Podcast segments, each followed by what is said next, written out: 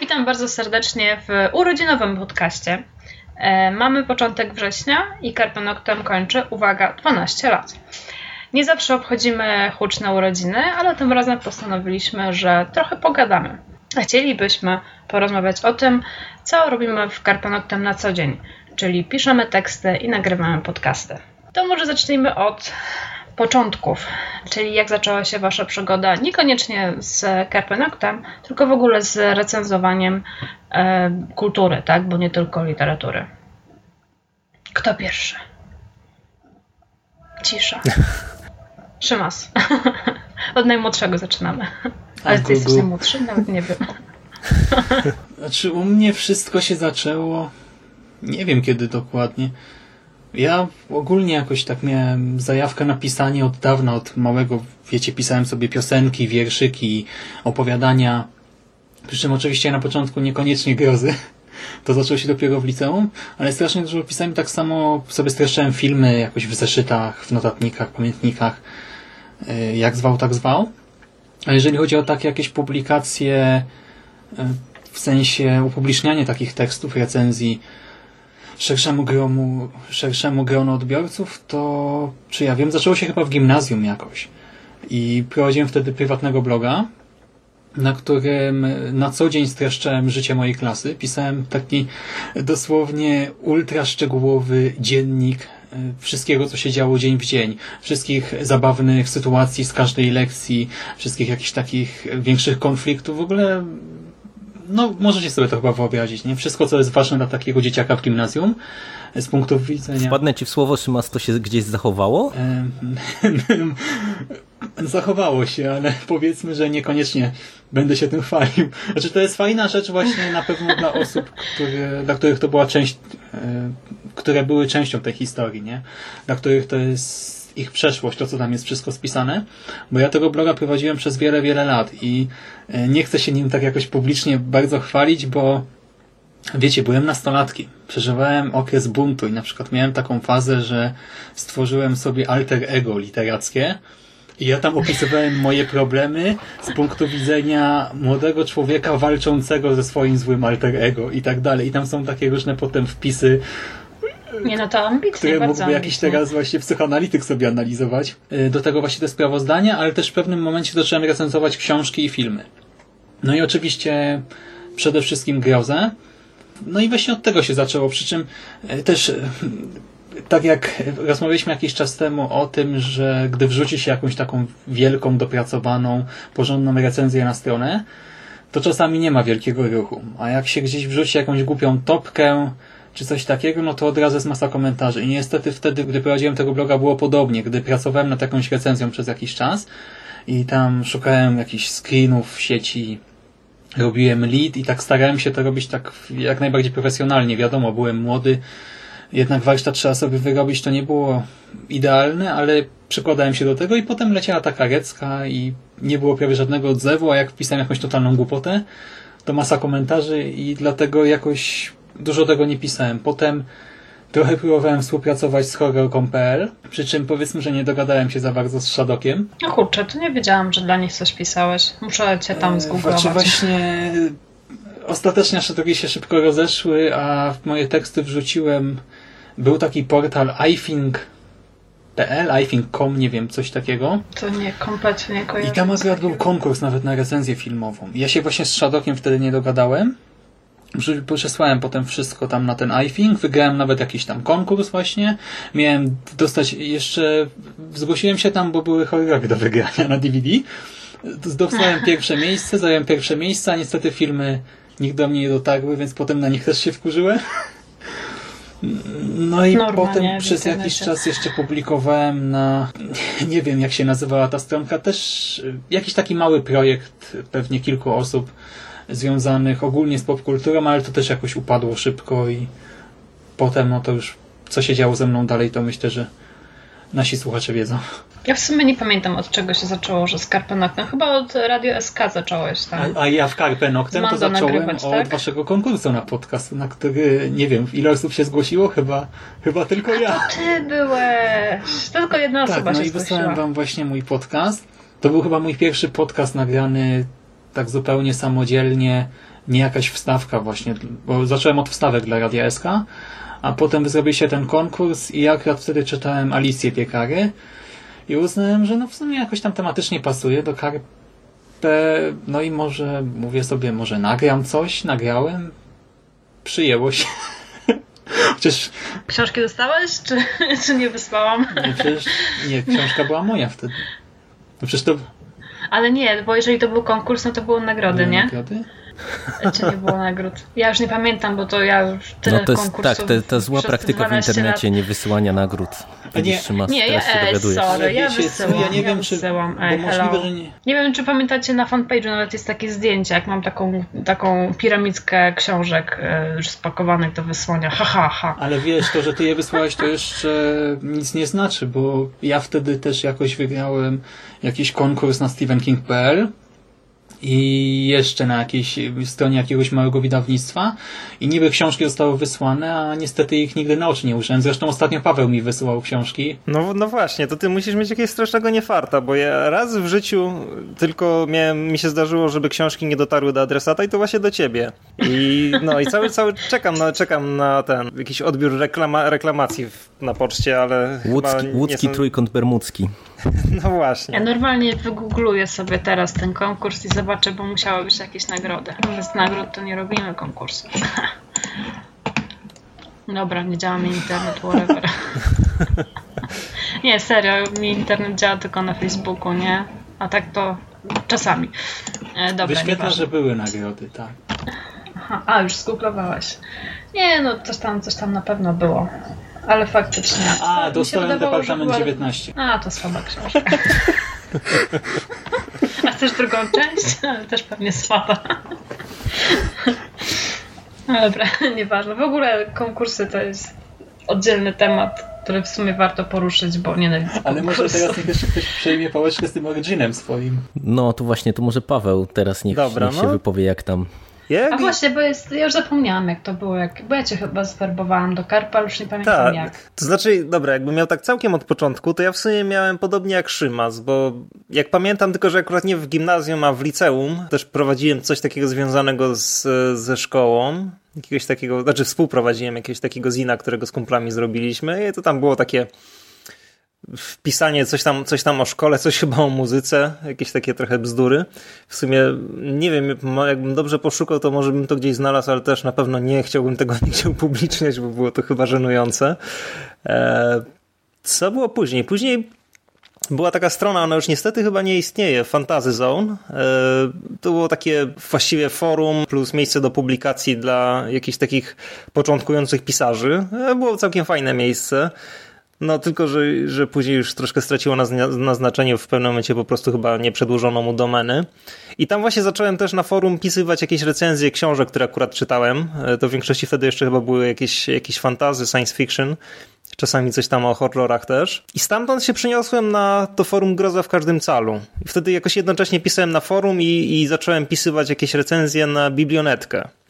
I w sumie wydaje mi się, że biblionetka to w tej chwili nie jest jakiś szczególnie popularny serwis, bo ich zjadło zupełnie lubimy czytać, ale tak. wtedy pamiętam, że, że no nie wiem, ja du dużo tam siedziałem, dużo przeglądałem tych recenzji i było to takie dosyć fajne miejsce. A z Carpe Noctem to było tak, że najpierw dostałem propozycję właśnie jakby z forum, już nie pamiętam kto mi ją wysyłał, czy to był Paweł? Nie pamiętam, któryś Paweł. Bloga założyć, nie? Tak, żeby założyć bloga i prowadziłem sobie tego bloga już też nie pamiętam ile czasu, bo już też po blogu nic nie zostało zupełnie, ale to to chyba, nie wiem, dobry rok go prowadziłem, może trochę dłużej i no i wtedy później od ciebie Aga chyba faktycznie dostałem propozycję, żeby już przejść y, do pisania jakby na samo Carpe Noctem. No mniej więcej tak to wyglądało. I w sumie ile już dla Karpa y, pracujesz, że tak powiem? No właśnie Już miałem- lat się zebrało, Tak, nie? no miałem, miałem to policzyć, nie policzyłem tego, ale zacząłem dla samego Carpe pisać, jak kończyłem studia. Z tego co pamiętam, no, jakoś w ostatnim semestrze, jak musiałem robić magisterkę, zamiast tego klepałem recenzję, później musiałem szybko robić magisterkę. No a to już, Jezu, i nie wiem ile to czasu minęło. No dobrych kilka lat. Nie, nie pamiętam kiedy skończyłem studia. Który ty w ogóle rocznik jesteś? 8-6. 8-6. No to za 4 lata już minęło. O, Nie, Pięć. to już będzie więcej, bo ja w sobie 5, bo ja kończyłam później rok. No, no. no też niedawno też... właśnie się kapnęłam, że 3 lata po, po magisterce. No, nie jest to połowa życia Carpe Noctem, ale, ale blisko. No a jakby liczyć tego bloga, no to tak z połowę Carpe Noctem gdzieś tam przeżyłem. No, no, ładnie. To, to teraz Michał. Znaczy to u, u mnie to trochę inaczej wyglądało niż y, u, u kolegów, y, bo ja można powiedzieć, że taki tekst pierwszy, który gdzieś tam opublikowałem, to był na Karpenoktem. o czym pewnie nikt z Was nie wie. E, dlatego, dlatego, że y, ja się pojawiłem na Karpenoktem też w ramach konkursu, notabene na recenzję. Tam to była recenzja zbiorku, jeżeli ja dobrze pamiętam. I to był listopad 2012, bo jeszcze przed chwilą to sobie sprawdziłem. E, I to był taki okres, gdzie ja już się nosiłem od dłuższego czasu z tym, żeby może coś e, zacząć pisać, bo ja generalnie jestem gadułą, z czego się zawsze moja żona śmieje i e, tak mam często potrzebę, żeby jak coś obejrzę na przykład albo coś przeczytam, żeby e, wyrazić swoją opinię, jakakolwiek by ona nie była. No i tak chodziło za mną właśnie blogowanie od e, dawna, ale jakoś się tak nie mogłem zebrać i właśnie ten konkurs, który się u was pojawił, a, ja wtedy już Karpenoktem śledziłem od ładnych paru lat, to stwierdziłem, dobra, to czas w końcu skończyć gadać i coś zacząć robić, no i napisałem, ta recenzja gdzieś tam się pojawiła i to też mnie zmobilizowało, żeby no, założyć e, coś swojego i tak to się u mnie zaczęło, można powiedzieć. Założyłem bloga jeszcze no, w tym samym roku, czyli na koniec roku 2012. No i od tamtej pory to trwa i się tylko systematycznie rozrasta, bo jakoś tak mm, się to wszystko potoczyło w sumie y, dla samego blogowania, no nie wiem, czy z korzyścią, czy z niekorzyścią, że w, w, ostatnich, w ostatnim okresie, w ostatnich miesiącach bardziej stałem się, można powiedzieć, podcasterem niż blogerem. Często blog y, jakby traci na wszystkich właśnie projektach, w których ja biorę udział, począwszy od Carpe Noctem, a na, na różnych podcastach, w którym, w którym się udzielam, no ale jakoś to tak trwa wszystko i, i póki um, czasu i energii pozostanie, to, to nadal będę chciał to robić, bo to też nie wiem, jakie u Was przyczyny oprócz y, potrzeby y, gdzieś tam wypowiedzenia się o jakichś dziełach kultury za tym stały, ale dla mnie to jest taki też, można powiedzieć, wentyl bezpieczeństwa od pracy, która absolutnie odstaje i, i, i to zawsze dla mnie takie y, blogowanie czy, czy nagrywanie podcastów to daje taką właśnie pozytywną odskocznię od bieżących, bieżących rzeczy. Powiem Ci, że zaskoczyłeś mnie też tym konkursem. Muszę, muszę sobie to później poszukać i sprawdzić i przeczytać jeszcze raz tą recenzję. ale to znaczy, że, to znaczy, że mamy nosa ogólnie z tym konkursem. ale, ja, ale ja nie wygrałem tego konkursu w przeciwieństwie do Szymasa. Bo ja byłem jedyny, Czech. Myślałam, że powiedziałeś, że wygrałeś. Nie, nie, nie. Ja, ja jakby tam byłem wśród wyróżnionych i ta recenzja była opublikowana, natomiast nie wygrałem tego konkursu na pewno. To, no to wygrałeś, tylko byłeś jednym z wygranych, a nie, że pierwsza ta nagroda, to wiesz, no. bez przesady, szczegóły. No, dokładnie tam szczegóły. A jeżeli chodzi o to, tak zacząłeś wątek tej odskoczni, no to ja kompletnie, kompletnie nie odskocznia, nie? Dla mnie to już jest, no to może już zacznę od początku. Ja od 17 roku życia chyba recenzuję. I to powiem Wam szczerze, że zaczęłam recenzować La Carpe. Pierwsze swoje teksty, e, teksty pisałam na Carpe w roku, Boże, nie wiem którym, to było chyba jakoś tak rok po, po, po tym, jak Przemek z, z Tomkiem założyli Carbonoctem. I wtedy jakoś tak na forum weszłam, bo rzuciłam chłopaka i nie miałam co robić jakoś popołudniami. I jakoś tak wyszło, że weszłam na forum, a potem zaczęłam e, coś tam działać przy karpę.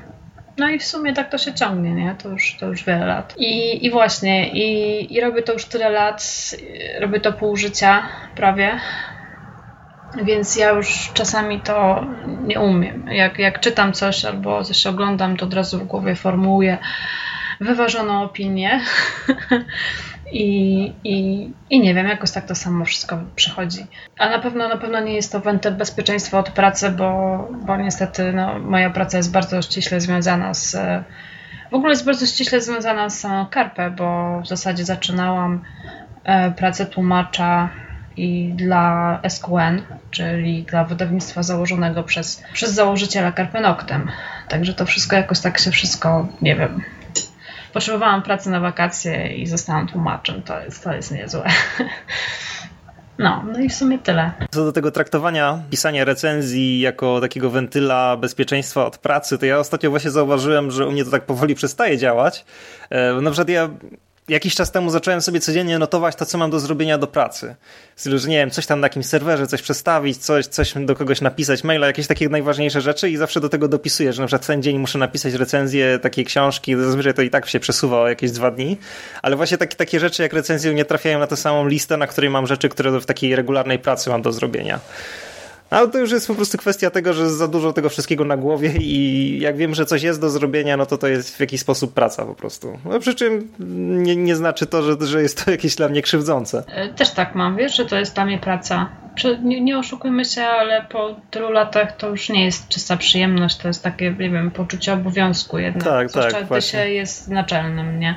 Ale no ja też faktycznie odczuwam takie poczucie obowiązku, że nie, znaczy szczególnie co do jakichś tam niektórych książek, że ja nie wiem, no muszę coś o nich napisać, bo nie, nie mogę tak sobie tego po prostu olać. No a jeśli już coś dostaję do recenzji, no to wiadomo, jest to, jest to jakiś obowiązek. No, to już, to już, już zobowiązanie co do wydawni dla wydawnictwa. No to u mnie jest pół na pół, bo z jednej strony jednak, no staram się wierzyć jeszcze, że to jednak jest przyjemność, odpoczynek i tak dalej, ale z drugiej strony jak nawet coś czytam czy oglądam, ale z myślą o tym, że chcę potem coś nagrać czy napisać i robię te notatki, to no właśnie ta granica się zaciera, tak? To już nie jest rozrywka, odpoczynek, bo no jakoś inaczej mózg pracuje.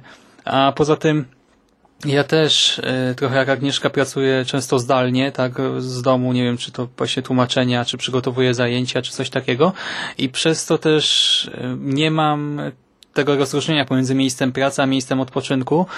I no to wszystko się jednak zlewa w jedną całość. I takie pisanie recenzji, no niby to jest jakieś tam oderwanie się od reszty codzienności, ale no to nie jest też w pełni odpoczynek. Też ja, ja pracuję zdalnie, też od chyba pół, to, półtora roku, także i to, i to cały Michał chodzi do pracy. No właśnie. I to właśnie to tutaj to wychodzi, nie? No, no właśnie chciałem powiedzieć, że to chyba wiele by wyjaśniało, można powiedzieć. No tak. Bo ja na przykład siadam Ale do tego samego... wyjaśniało w zasadzie? Znaczy ja na przykład siadam do tego samego komputera, do którego siadam przy normalnej pracy w tym samym miejscu, no i po prostu otwieram inny jakiś program i, i coś zaczynam pisać. A, dobra, już zajarzyłam, o co chodziło Michałowi.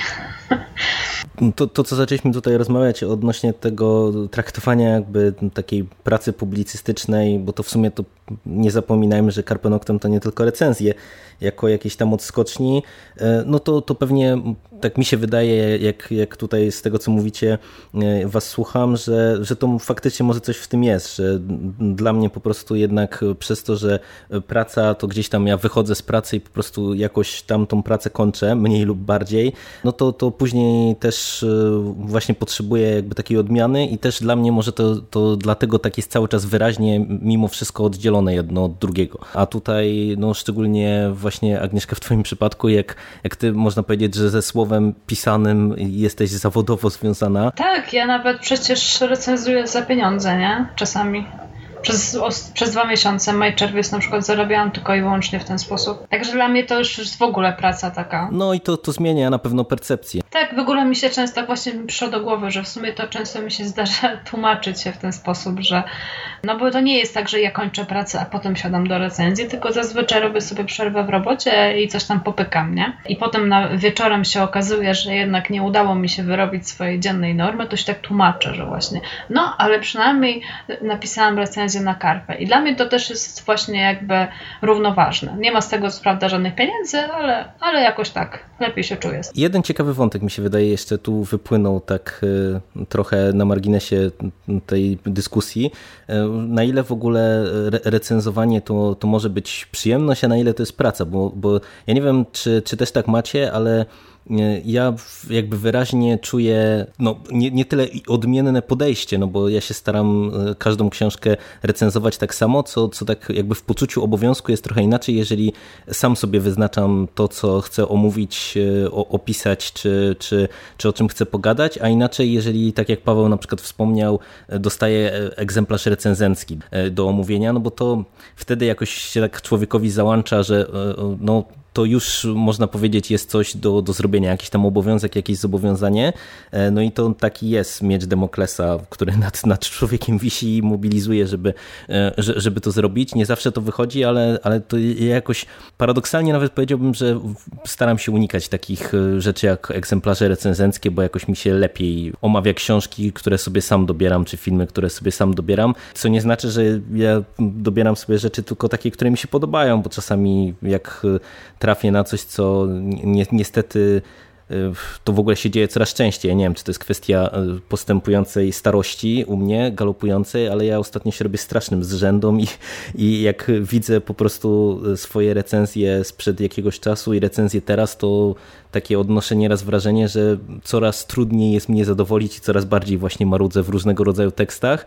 E, I, i to, ale to też na przykład właśnie z tego względu czasem aż e, te, te, tak niechętnie podchodzę właśnie jak gdzieś tam wypływa temat z, z, recenzowania książki tak po prostu na zasadzie egzemplarza recenzenckiego, no bo to wiecie, teoretycznie jest tak, że rzetelność takiej naszej, no nazwijmy to pracy przy serwisie i, i tego jakby co czytelnicy oczekują, tak mi się wydaje, no to jest, żeby taką pozycję dowolną ocenić jakoś tam rzetelnie i wiarygodnie, no a tu później trochę jest jakby taki konflikt interesów na zasadzie, że dostaje się coś nie, od... Zachodzisz to zupełnie złe rejony. Nie, takiego konfliktu interesów nie ma. Naprawdę. Nie, powi nie powinno być. Nie powinno być, nie, nie ale wiem, jest. Może niepotrzebnie, niepotrzebnie to czujesz, bo powiem Ci, że nie wiem, czy to jest specyfika tylko naszego serwisu, czy, e, czy, czy, czy nie wiem, ale nie, u nas nic tego, czegoś takiego nie było. Ale nie, to, to jest chwalebne, bo ja, ja mam właśnie poczucie, że na, na Carpe Noctem można napisać, e, mówiąc kolokwialnie, co się chce.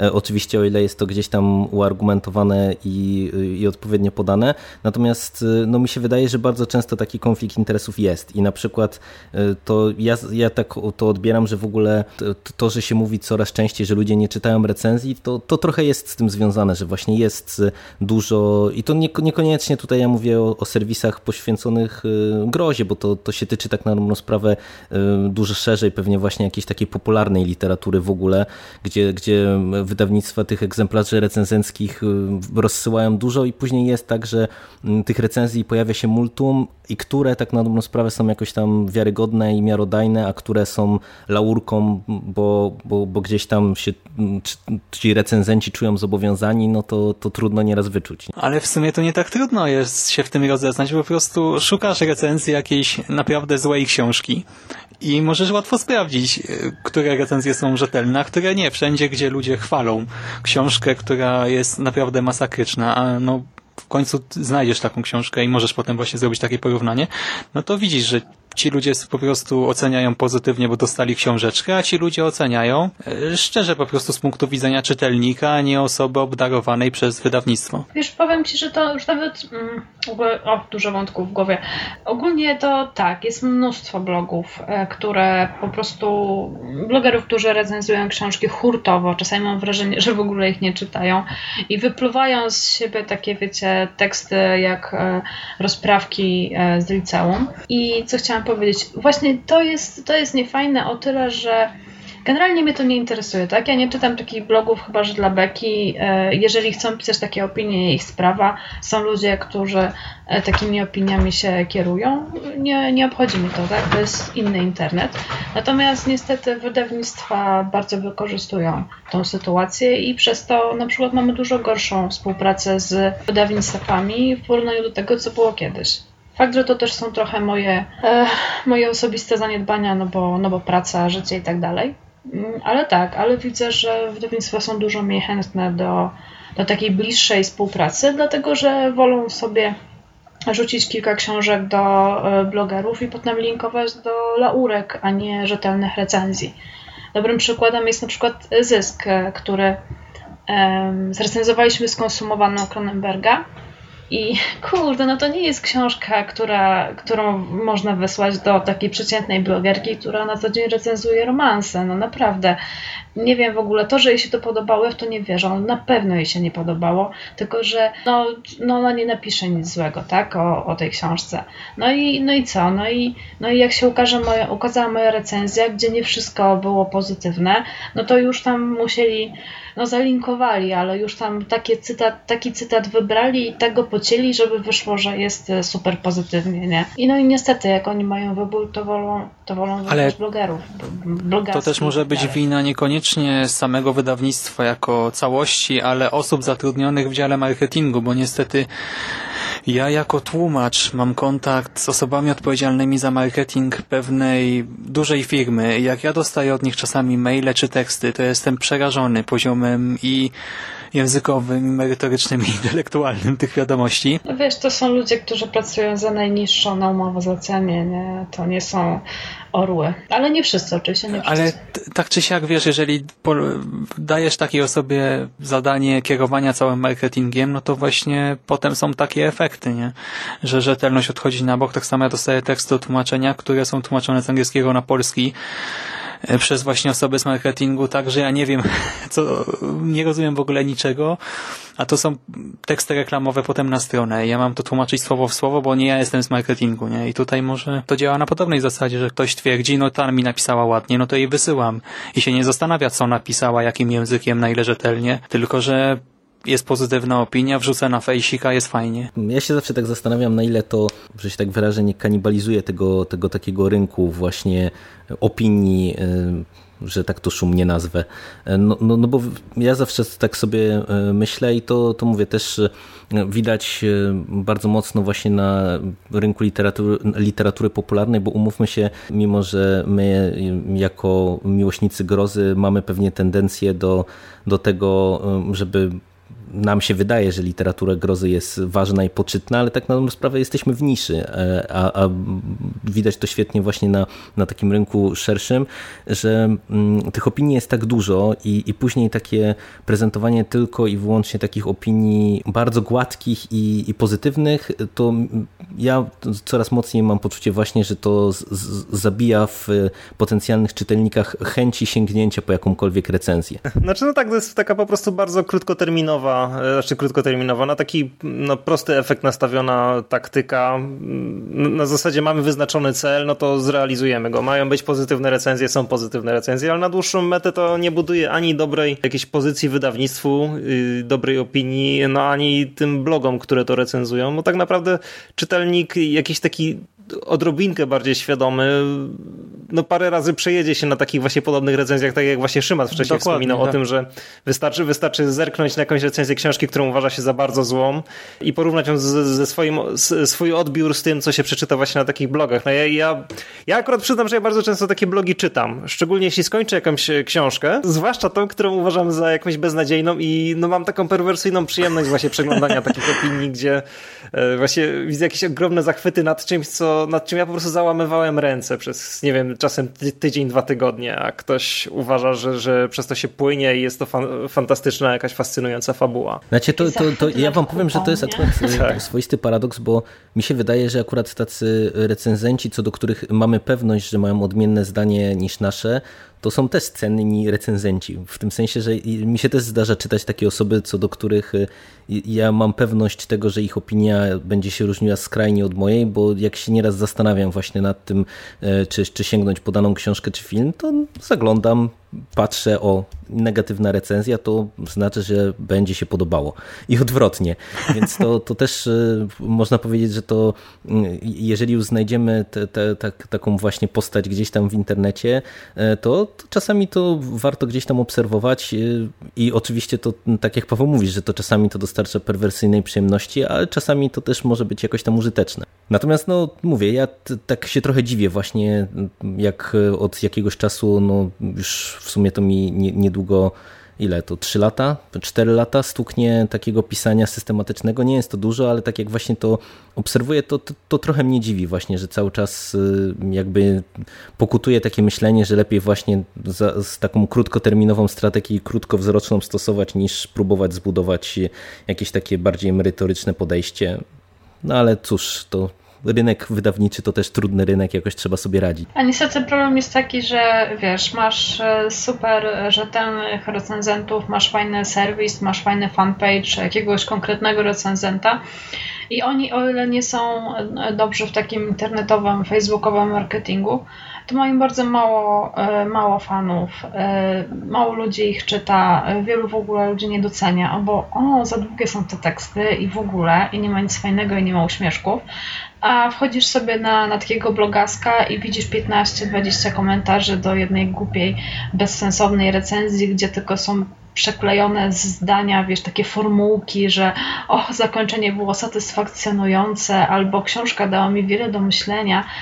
I, I wiesz, i no nie wiem, jak wy to czujecie, podejrzewam, że podobnie, że to jest strasznie demotywujące. Tak i nie. Zobacz, że często te 50 komentarzy pod takim postem, e, to jeżeli, zwłaszcza jeżeli chodzi o takie typowe blogi, to to są po pierwsze znajomi osoby piszącej, po drugie to to są inne blogaski i na przykład jest coś takiego, bardzo fajna recenzja, tak, a zobacz u mnie, ja, ja zrecenzowałam wiem, to i to nie? i link. Ale... E, bardzo fajna strona, a czy byłaś już u mnie? Zapraszam tutaj, a u mnie jest konkurs Dam ci komentarz, jak ty mi dasz Też, komentarz. ale nie tylko, nie tylko. Czasami są to normalne komentarze i widzisz wtedy, że ktoś to przeczytał, a u nas wiesz, siedzisz e, dwie godziny nad dwie jakimś godziny? tekstem i pies z kulawą nogą e, nie zajrzy do komentarzy, żeby napisać mmm, spoko, dzięki za reckę, albo cokolwiek, albo cokolwiek, nie?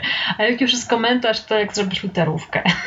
Może powinniś więcej literówek Widzicie, robić. słyszycie, demotywujecie naczelną komentować, ale już. A... Ej, serio, nie wiem jak wy to czujecie, ale no ja po tylu latach mówię, od 17 roku życia recenzuję. Kiedyś w ogóle tłumaczyliśmy to, bo nie mieliśmy jeszcze za czasów HTML komentarzy w ogóle. To, to kiedy wreszcie e, zrobiliśmy tego WordPressa i nagle się pojawiła opcja komentarzy, to my się spodziewałyśmy, że wow, teraz ludzie będą komentować i będzie taka, wiecie, wymiana w ogóle, w ogóle super będzie, nie? I potem w ogóle nic, nie? Ale to jest normalne. Znaczy mi się wydaje, że to jest w, my, w myśl zasady takiej niestety jednego z najstarszych prawideł marketingu i takiej, takiego psychologii społecznej, że zadowolony klient nie, nie zwykł mawiać e, o tym, że coś jest dobre i dopiero niezadowolony e, rozprawia no, o tym na prawo i lewo no. i, to, i to, jest, to jest właśnie też e, kwestia mm, z komentarzami, nie? Że, że jeżeli sam tekst jest czy to felieton, czy to jakaś recenzja jest ok, no to, to mało ludzi po prostu jakby uznaje e, za zasadne, żeby komentować, a wystarczy, że się pojawi jakiś kontrowersyjny tekst e, z kontrowersyjnymi tezami, który gdzieś tam nieraz się przebije jeszcze właśnie do jakiejś grupy, która poczuła się e, mniej lub bardziej urażona albo zaatakowana, no to, to, to powoduje jakąś tam lawinę komentarzy i ja się trochę zgadzam, że, że to jest demotywujące, bo e, ja w, tak w zakulisowych rozmowach jakiś to nieraz chłopakom mówiłem o tym i, i się z tego trochę naigrywałem, że e, mnie przestały w którymś momencie dziwić te wszystkie zdjęcia z, ze słodkimi kotami, y, no bo to, to widać po aktywnościach właśnie na wszystkich y, portalach społecznościowych i nie tylko, że ni niestety, ale właśnie tego rodzaju y, jakieś głupie, głupie posty albo właśnie jakieś takie te teksty nastawione stricte na klikalność, to one generują tak na sprawę jakiś ruch, jakieś komentarze, jakąś aktywność, a niestety właśnie tekst, który gdzieś tam człowiek osobiście uznaje za dobry i wart przeczytania, to masz takie poczucie, że nikt tego nie przeczytał. Ale to też tak od strony technologicznej chyba wygląda, bo w ogóle na przykład na Facebooku to trzeba uwzględniać na przykład ilość tekstu na zdjęciu publikowanym, e, czy właśnie rodzaj linka, rodzaj grafiki w linku, to wszystko Facebook tak, jakoś tak, przelicza sobie. Tak, tylko że my zawsze się unosimy, znaczy unosimy, nie, nie to, że się unosimy dumą, tylko my tacy idealistycznie strasznie jesteśmy, że nie chcemy tego robić. Ja tak samo konkursów nie chcę robić, że mam przeklęte wkurwiają, bo e, zrobiłam na przykład konkurs z cytatami, to widziałam, że no, nie wiem, no, pies z kulawą nogą się nie zainteresował. Parę osób mi wysłało w ogóle jakieś totalnie z dupy rzeczy, typu konkurs na Carpe Noctem, wiemy jakie gatunki omawiamy, a kolesiowa pisze cytaty z Kubusia Puchatka, nie? Albo w ogóle z jakichś takich z dupy rzeczy. I, I tacy ludzie biorą udział w konkursach, bo po prostu jest taki przesyt już w tym wszystkim, że ja już powiedziałam dosyć, nie? Albo robimy jakieś sensowne na opowiadania, na teksty, na, na podcasty, po, po, po czym zgłasza się jedna osoba, e, ale już wolę coś takiego, a nie, a nie jakieś, jakieś idiotela dosłownie Facebooka. No, ale jak, jak widać, to właśnie opłaca się czasem zrobić taki konkurs, w którym weźmie udział jedna osoba, nie? No, no, ale właśnie o to chodzi, nie? Że że bardzo się opłaca, tylko że w zupełnie inny sposób. Tak, no, znaczy, no selekcja jest na starcie już. Fanów, ale, ale jednak przybyło nam fajnych redaktorów, nie? Jest jakaś długofalowa inwestycja, powiedziałabym. Słuchajcie, ale tak rozmawiamy w sumie głównie o recepcji, o tej kwestii marketingu, a może cofniemy się jednak troszkę i porozmawiamy o samym e, temacie tworzenia tekstów, bo gdy ustaliliśmy, że będziemy ogólnie rozmawiać na poziomie meta o pisaniu, komentowaniu, recenzowaniu, to doszedłem do wniosku, że w sumie to sam ten proces sprawia mi osobiście bardzo wiele problemów, że to nie jest tak, jak sobie większość osób myśli, że po prostu człowiek, nie wiem, czyta, ogląda coś, potem e, siada, otwiera tego doka, wklepuje jakiś tekstik i zamyka. Nie, pomijając już od takich e, rzeczy jak pierwsze zdanie czy lead, nad którym się czasami siedzi godzinami, się zastanawia, jak to zacząć, e, no to powiedzmy jest kwestia tam jeszcze weny, pomysłu i tak dalej, ale taka rzecz jak na przykład po pierwsze siedzimy w niszy, jak już Jerry powiedział. E, recenzujemy głównie literaturę grozy i ta literatura nie cieszy się najlepszą sławą. Na przykład, e, nie wiem, czytam Keczama, książka mi się bardzo podoba, ale jak to polecić Keczama, tak? No bo nie napowiem, czytajcie Keczama, Keczam jest super po prostu, bo trzeba jednak zaznaczyć, że to jest bardzo konkretna literatura. Po drugie, e, piszemy właśnie o konkretnym podgatunku i na przykład trzeba wziąć pod uwagę to, czy nasi czytelnicy siedzą w temacie, czy nie.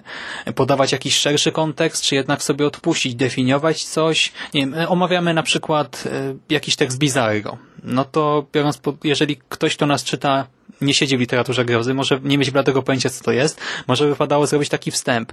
Kolejna sprawa też już tak ogólnie odnosząca się do recenzji. Jerry mówi o tym dyskomforcie, gdy dostajemy egzemplarz recenzencki.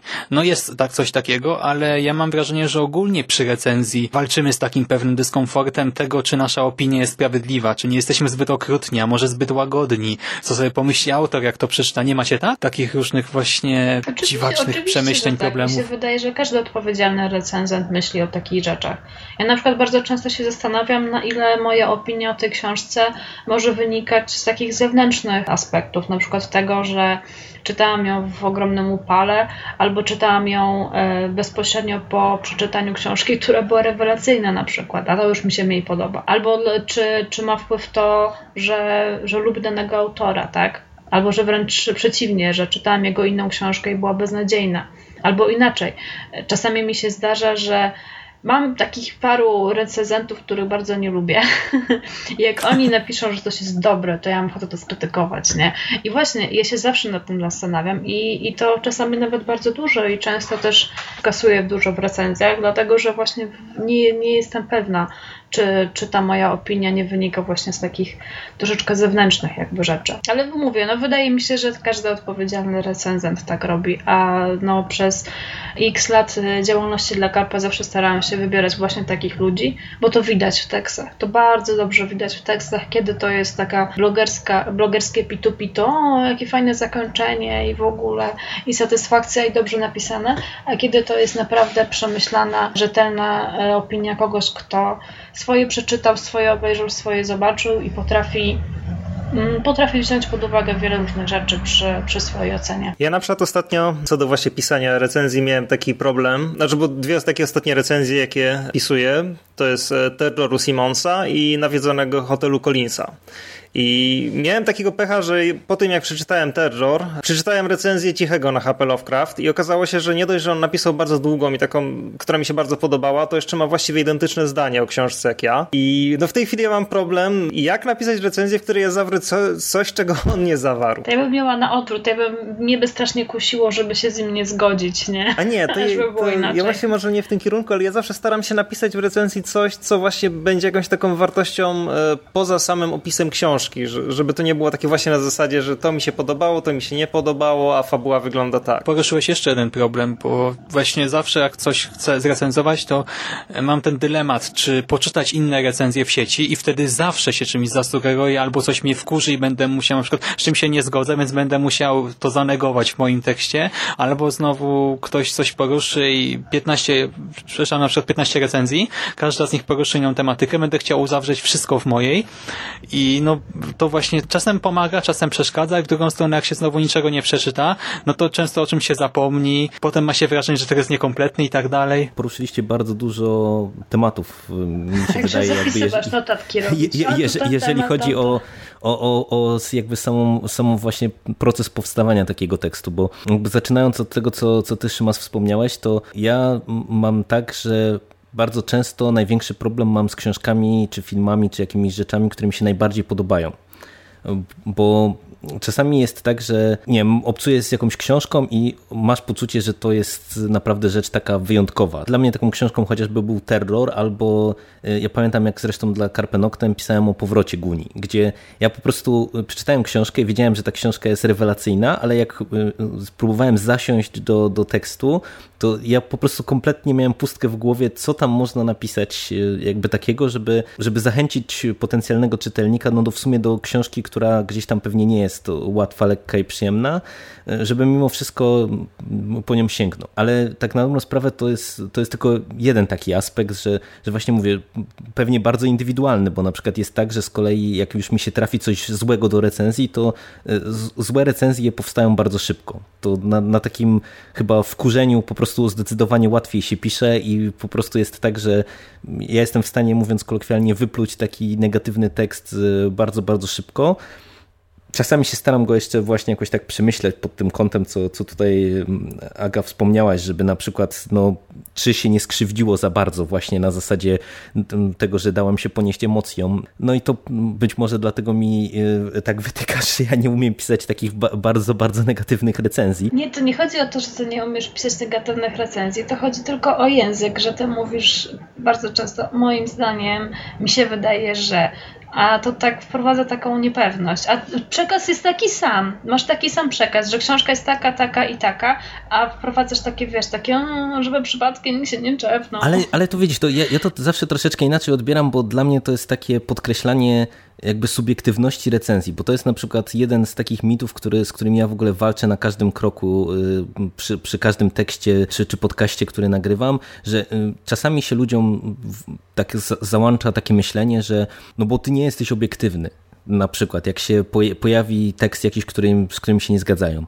No, no nie jestem obiektywny, bo jakby z założenia tekst, który napisałem jest tekstem moim subiektywnym i ja właśnie dlatego być może nadużywam właśnie czasami takiej formy, ale to, to ma jakoś tam jakby podkreślić, że to jest, to jest jakby moja opinia i ja jakby pisząc się staram mm, właśnie zaznaczyć jakby dlaczego, jeżeli coś mi się podobało, to dlaczego, jeżeli coś mi się nie podobało, to dlaczego i dlaczego też czasami komuś innemu może się to spodobać, bo na przykład ja się zacząłem łapać, że kiedyś nie miałem jakby takiego myślenia, ale odkąd zacząłem pisać o, o różnych rzeczach y, i jakby to publikować, to, to później zacząłem zwracać uwagę na to, że to, to, że na przykład coś, y, ja mam odbiór jakiś negatywny bardzo jakiegoś dzieła, y, no to, to jakby z drugiej strony mam poczucie, że właśnie przy określonych założeniach albo określonym osobom to się spodoba, bo na przykład ta, ta książka albo ten film ma jakieś tam elementy takie, które są popularne, nie wiem, w określonej grupie.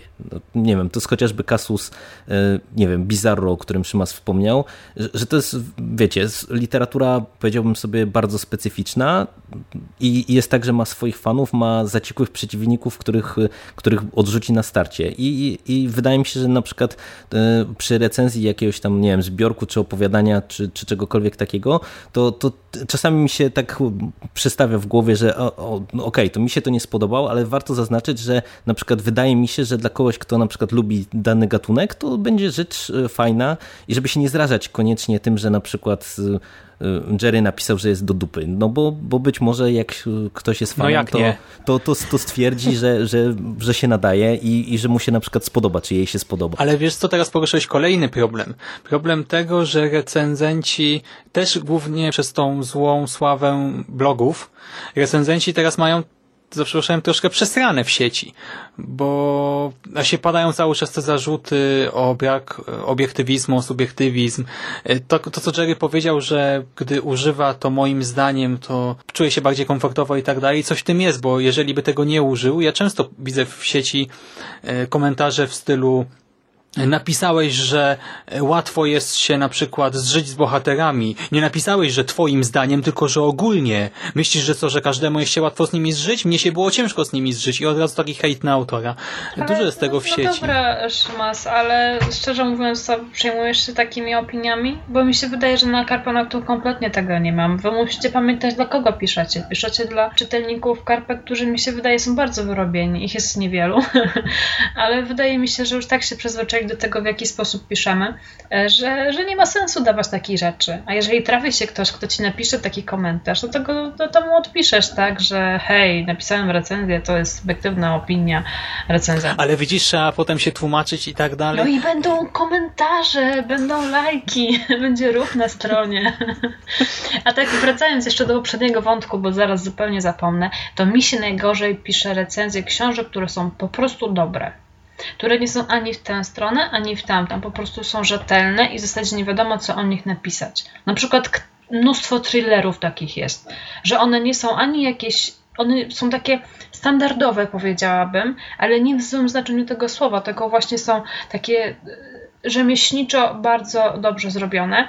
I potem co tu napisać w tej recenzji? No, że jest dobre. No, dobre zakończenie, dobrze rozpisana fabuła, dobrze scharakteryzowani bohaterowie i w sumie, i w sumie co dalej, nie? I ja mam z tym zawsze największy problem. No właśnie, ale to też yy, wydaje mi się trochę nawiązuje do tego, co wcześniej było mówione o tych właśnie takich bardzo yy, pozytywnych recenzjach na blogach, bo w tym momencie, jeśli dostajesz, rzeczywiście też mam problem z takimi książkami i jakby trochę pod, podświadomie mam tutaj coś takiego, że jakby mam, mam ten dyskomfort, że nie mogę napisać nic więcej niż jest napisane na właśnie na takich bardzo prostych blogach, bo to właściwie o takich książkach często trudno coś właśnie więcej napisać. to, nie? A jak jeszcze niechcący mi się napisze coś, tak jedna z tych takich charakterystycznych formułek, co oni tam piszą, że nie wiem, że dała mi do myślenia, teraz to kasuje, nie? nie może tak być. No właśnie. Nad jedną rzeczą ja tak sobie myślę, żebyśmy my tak też nie demonizowali e, tych wszystkich blogów książkowych, bo mi się wydaje, że to jest e, co do zasady to jest pozytywne zjawisko, tylko problem, tak, pro, tak. problemem mi się wydaje ta, ta, ta. jest brak, brak, brak, selekcji, brak selekcji naturalnej, można powiedzieć, w takim środowisku mhm. i tego, że po prostu tych blogów są dziesiątki i to, to jest tak, jest, że... To nie jest brak selekcji, to oni się mnożą jak króliczki. No być może I, i wiesz, ja na przykład dostrzegam problem taki, że, że to jest, to, to mi się to na przykład to podoba, bo jest jakiś wybór, tylko że po prostu problem w tej ilości jest taki, że, że czasem jest trudno znaleźć właśnie takie miejsce gdzieś w sieci, e, gdzie e, będziesz jakby czytała ze świadomością, e, albo czytał ze świadomością tego, że okej, okay, to jest osoba, która albo ma takie zdanie jak ja, albo inne, ale, ale może ma coś do powiedzenia. I, I to niestety to jest problem taki, że przez to, że zasadniczo na przykład takich miejsc w sieci jest po prostu mnóstwo, no to, no to powstaje problem, jak znaleźć takie, no, takie które będą nam odpowiadały. Znaczy myślę, że też z, z założenia tutaj jakby mówiąc o blogach, mówimy o jakiejś tam pewnej konkretnej, którą mam nadzieję, że, że tam słuchacze e, rozumieją, jakiej części blogosfery sfery mówimy, no bo jakby nie było, to tutaj w tej chwili ilu z dwóch blogerów rozmawia też, także... I w sumie też jest de facto blogiem, tak? No właśnie, zresztą to miało kiedyś blogi i tak dalej i dążymy też do jakiejś takiej formy blogowej i no i zresztą każda, każda jakby część blogosfery ma jakieś takie bardzo podobne problemy, tak jak nie wiem, teraz na przykład jest bardzo głośno o Kominku, czy tam Jasonie Hancie, czy jak on się tam nazywa i te jego powieści, nie wiem, czy o tym czytaliście. Słyszałam, tak. Słyszałam. Nawet O, chciałam, chciałam ciężko by było nie, tra nie trafić na to. No, ale właśnie to jest też jakiś ta, ta powiedzmy blogosfera lifestyle'owa, która no, w dużej mierze, no, znaczy na pewno są tam jakieś osoby, e, jeśli chodzi o taki, taki stricte lifestyle, już nie, nie mówię o blogach jakichś specjalistycznych, są tam na pewno osoby, które piszą coś fajnego, coś mądrego, ale jak ja trafiam na jakieś takie blogi, tam powiedzmy, że bardzo przypadkiem, bo raczej nie czytuję takich rzeczy, ale jak na to trafiam, to często się czuję strasznie zażenowany i, no i to jest właściwie identyczne zjawisko, jak e, jest w tej blogosferze książkowej. No, zdarzają się jakieś e, świetne miejsca, ale no właśnie no, trzeba sobie je gdzieś wynaleźć, a nie jest to zawsze łatwe. Ja myślę, że, że, że te blogaski pokazują, pokazują coś, o czym ja już od dawna mówię. To, że ktoś czyta książki, nie oznacza automatycznie, że staje się inteligentny. Ciągle, jest, ciągle są te akcje, o, poprawmy czytelnictwo, niech ludzie czytają, bo to jest dobre, bo jak czytasz, to jesteś taki, owaki, śmaki i w ogóle super, zajebisty i tak dalej. To nieprawda. Właśnie te, te blogaski pokazują, że możesz czytać 10 książek e, miesięcznie, a i tak nic z tego nie wyniesiesz, jeżeli to będą zbierzchy, albo jeżeli będziesz czytać e, rzeczy po łebkach, e, w ogóle ich nie rozumiejąc, tak? Więc z jednej strony, z jednej strony w sumie, w sumie to jest pozytywne w tym sensie, że fajnie, że, że książki stały się na tyle popularne, że czytanie stało się na tyle popularne, że powstają takie rzeczy, tak? Że to nie jest już jakiś że, że bycie recenzentem to jest jakiś elitarny, elitarny zawód, który wykonuje 10 osób na krzyż, bo nikt nie czyta. Nie, bo ludzie przeciętni, e, no masa e, sięga po książki i w tym jest, w tym jest plus, bo będziemy mieli więcej pracy, tak? Bo wydawnictwa będą miały się z czego utrzymywać i będą mogły wydawać fajniejsze książki dla nas. Dokładnie, a poza tym Jerry, ja myślę, że jednak jest jakaś selekcja, tylko ta selekcja następuje z biegiem czasu, bo ja tak sobie myślę, że ja w blogosferze działam tak czy inaczej od 13 lat, nawet dłużej niż Karpenok ten istnieje. I no powiedzmy sobie szczerze, jakbym właśnie teraz wygrzebał moje pierwsze posty, nie nawet więcej, bo to Nieważne zresztą. Kilkanaście lat, tak? Jakbym wygrzebał moje jakieś bardzo dawne wpisy i to nie jakieś takie totalnie prywatne, tylko cokolwiek merytorycznego, to to na pewno też miałoby żenujący poziom w gruncie rzeczy. A nie oszukujmy się, wiele osób prowadzących te blogaski, jak to ujęliśmy, to też są osoby zwyczajnie młode, które mają też dużo czasu i chcą jakoś tam spożytkować. Wiesz co, tak, tylko że oni dostają darmowe egzemplarze z wydawnictwa. No i dlatego to korzystają, ale po pewnym czasie pewnie będą musieli to porzucić albo po to, by zająć się po prostu jakimś tam życiem zawodowym czy coś takiego, albo może jakoś jednak wypracują co sobie. Co porzucić, Szymas? No to blogowanie. No, że, że, życie zawodowe ci przeszkadza w tym? No troszkę, tak. No ale wiesz, nie każdy, nie każdy, nie ogólnie większość, zdecydowana większość blogów umiera po średnio roku, nie? Ale nie, chodzi mi o to, że ja tak naprawdę nie chciałam krytykować, no nie chciałam krytykować mm, Chodzi mi o to, że, że, nie jest y, nic złego w tym, że te blogi powstają, tak? Jeżeli już chcę coś poważnie krytykować, to właśnie strategie wydawnictw, które wysyłają po prostu masowo e, książki do recenzji ludziom, którzy nie powinni recenzować książek, którzy wiesz, no jest różnica między powiedzmy e, recenzją, którą potem linkuje wydawnictwo na swoim fanpage'u, chciałabym, żeby to było odrobinę bardziej jednak elitarne, e, niż po prostu, wiecie, jakaś, jakaś pani e, z Pcimia Dolnego, która, która się podjarała tym, że w ogóle dostała coś za darmo, więc nawet bez czytania już wie, że to będzie zajebiste. Ale widać w tym jakiś progres, bo właśnie a propos tej elitarności, to jeszcze teraz już rzadziej, ale jeszcze kilka lat temu bardzo mnie bawiło to, że często te linki, gdy się wyświetlały, to adresy blogów były tak komiczne, bo to czasami było właśnie jakieś Agusia Lofcia coś tam, nie? Czy coś no. takiego. Yy, coś czy tam, jakieś... Pacyrysia jest też śmieszna, chociaż... E, tak, książkowe papatusie. Fanów, nie? Niesamowite. No a my tacy kurde elitarni co i pies z kulawą nogą. Ale właśnie co, co do tej elitarności tych blogów, to też nie jest tak, przynajmniej tak, tak, tak, e, to myślę, że warto dodać, że my się uważamy za jakichś wybitnych recenzentów, ja się na pewno nie uważam i to jest coś, czego właśnie nie widać i to też, też jakby chciałem wrócić do tego, bo znowu tak odbiegliśmy bardzo od tematu, e, co do pisania recenzji, no to też warto zaznaczyć, że no, nie wiem, średnio jedna powiedzmy na trzy recenzje, które ja wysyłam do Agi, to dostaję za nie tak po dupie. Ej, nie, że nie, to też nie, nie to... ej, nieprawda. No nie, no, no, ale nie, no ja uważam, że to jest, wiesz, bardzo, bardzo To ja nie wyślę dobre i nie, ale to jest, to jest coś, czego właśnie na blogach nie ma i, i, no i często ludzie jakby przez to cierpią, nie? A, znaczy, bo po prostu nie, nie dostają tego takiego feedbacku, jeśli coś im wyjdzie źle, a ja na przykład y, czasem wręcz wiem, że coś jest nie do końca dobrze, ale tak jakoś już nie widzę, jakby to poprawić i myślę, dobra, niech będzie. I wysyłam, a później dostaję tekst z powrotem i, i, i dobrze, że dostaję, no bo, bo jest, jest po prostu ta selekcja. No, każdy ma jakiś gorszy dzień właśnie, albo trafi mi się książka, której nie czuję, jak ją zrecenzować i recenzuję jakoś tak na siłę zamiast odczekać, no bo to też, też e, różnie się trafia. Bo wydaje mi się to też dotknąć, Paweł, takiej kolejnej rzeczy przy recenzowaniu, że, że trzeba sobie wyrobić chyba taki własny styl, bo to jak się czyta mm, te różne recenzje różnych osób, to widać, że każdy ma jednak trochę inne podejście i trochę inne zapatrywanie na różne rzeczy i właśnie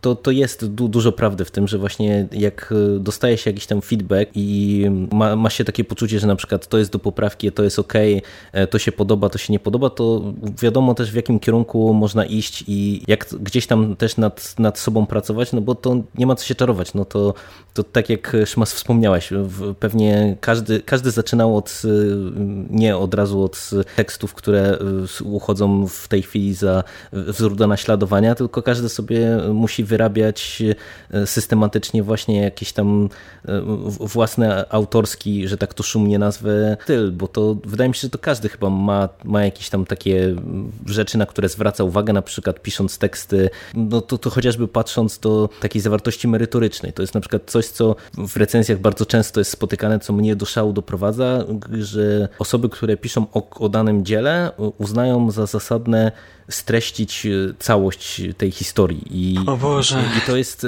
to jest na przykład taki problem, z którym ja się udowodnić, że przeczytali, wiesz, wiesz, żeby wydawnictwo Znaczy, bo to jest, wiecie, to jest, to jest na przykład problem, który, który ja mam, jak, jak podejść do, do tekstu, bo czasami jest na przykład dzieło takie, które aż się prosi, żeby wejść właśnie w, w taką szerszą analizę i żeby się pokusić o to, żeby rozebrać je na części pierwsze, ale to już wtedy nie mamy do czynienia z recenzją, tylko to już jest bardziej felieton, gdzie, gdzie w tym momencie możemy sobie zrobić jakąś tam część spoilerową, poopowiadać o fabule, o historii, ale to też na przykład ja mam takie podejście, że jeżeli omawiamy fabułę czy, czy wchodzimy gdzieś tam właśnie w opis historii szczegółowo, no to to wymaga kontekstu, że, że nie możemy się ograniczyć do, do tego, że zaprezentujemy opis z tyłu okładki, no bo opis z tyłu okładki to każdy ma idąc do księgarni i, i naprawdę nie musi sięgać po recenzję, żeby to robić, a na przykład widzę, że to jest, no tak jak wspomniałem, bardzo częsta praktyka u wielu osób, że, że po opisie książki y, dostajemy mm, no, interesujące zakończenie, mm, fajne albo niefajne, Y, będzie jeszcze trzy tomy, będę czytał y, Ale kolejne. wiesz, wiesz z czego to wynika? To wynika z tego, że oni po prostu nie mają nic do powiedzenia na temat tych książek. To nie, to nie jest kwestia stylu. Oni po prostu nie wiedzą, co oni mają o tej książce napisać, bo oni się tym nie znają, y, bo, bo, bo nie nadają się do tej roboty, tak? Ja mnóstwo osób, które pisały do Karpy w sprawie współpracy, y, właśnie w ten sposób musiałam odsyłać, tak? Że y, wróć za trzy lata, bo styl może masz dobry, ale po prostu nie masz nic do powiedzenia ciekawego. Ale to niech, to mnie to wcale nie dziwi, bo powiedzmy sobie szczerze, często mówimy o ludziach, którzy po prostu coś tam przeczytali, coś tam obejrzeli i uznali, że chcą się podzielić swoją opinią. I właśnie wychodzi to średnio. Y, i jak mówię, mnie to nie dziwi, bo ja na przykład przykład teraz na uczelni prowadzę zajęcia z osobami studiującymi dziennikarstwo i komunikację społeczną. I na zajęciach z języka poprosiłem o napisanie recenzji. I tylko dwie osoby napisały mi sensowne recenzje, gdzie nie streszczały całej książki, czy też całego filmu, gdzie opisywały jakieś własne odczucia i gdzie był jakiś taki podział na jakiś lead, wstęp, rozwinięcie, zakończenie, a cała reszta waliła mi streszczenie na stronę A4 i do tego dwa zdania w stylu E, książka fajna, czyta się szybko, styl w porządku, czy efekty specjalne w porządku, aktorstwo też podobało mi się. Więc jeżeli ludzie na takich studiach mają takie problemy z recenzjami, to Nie dziwi mnie to, że gdy zupełnie randomowe osoby i to często młode się za to biorą, to też im nie wychodzi. A skoro już Jerry wspomniał też o tych problemach ze stylem, to co, co mnie strasznie wkurza, to używanie trudnych słów po to, by recenzja była recenzją, a nie wpisem na blogaska.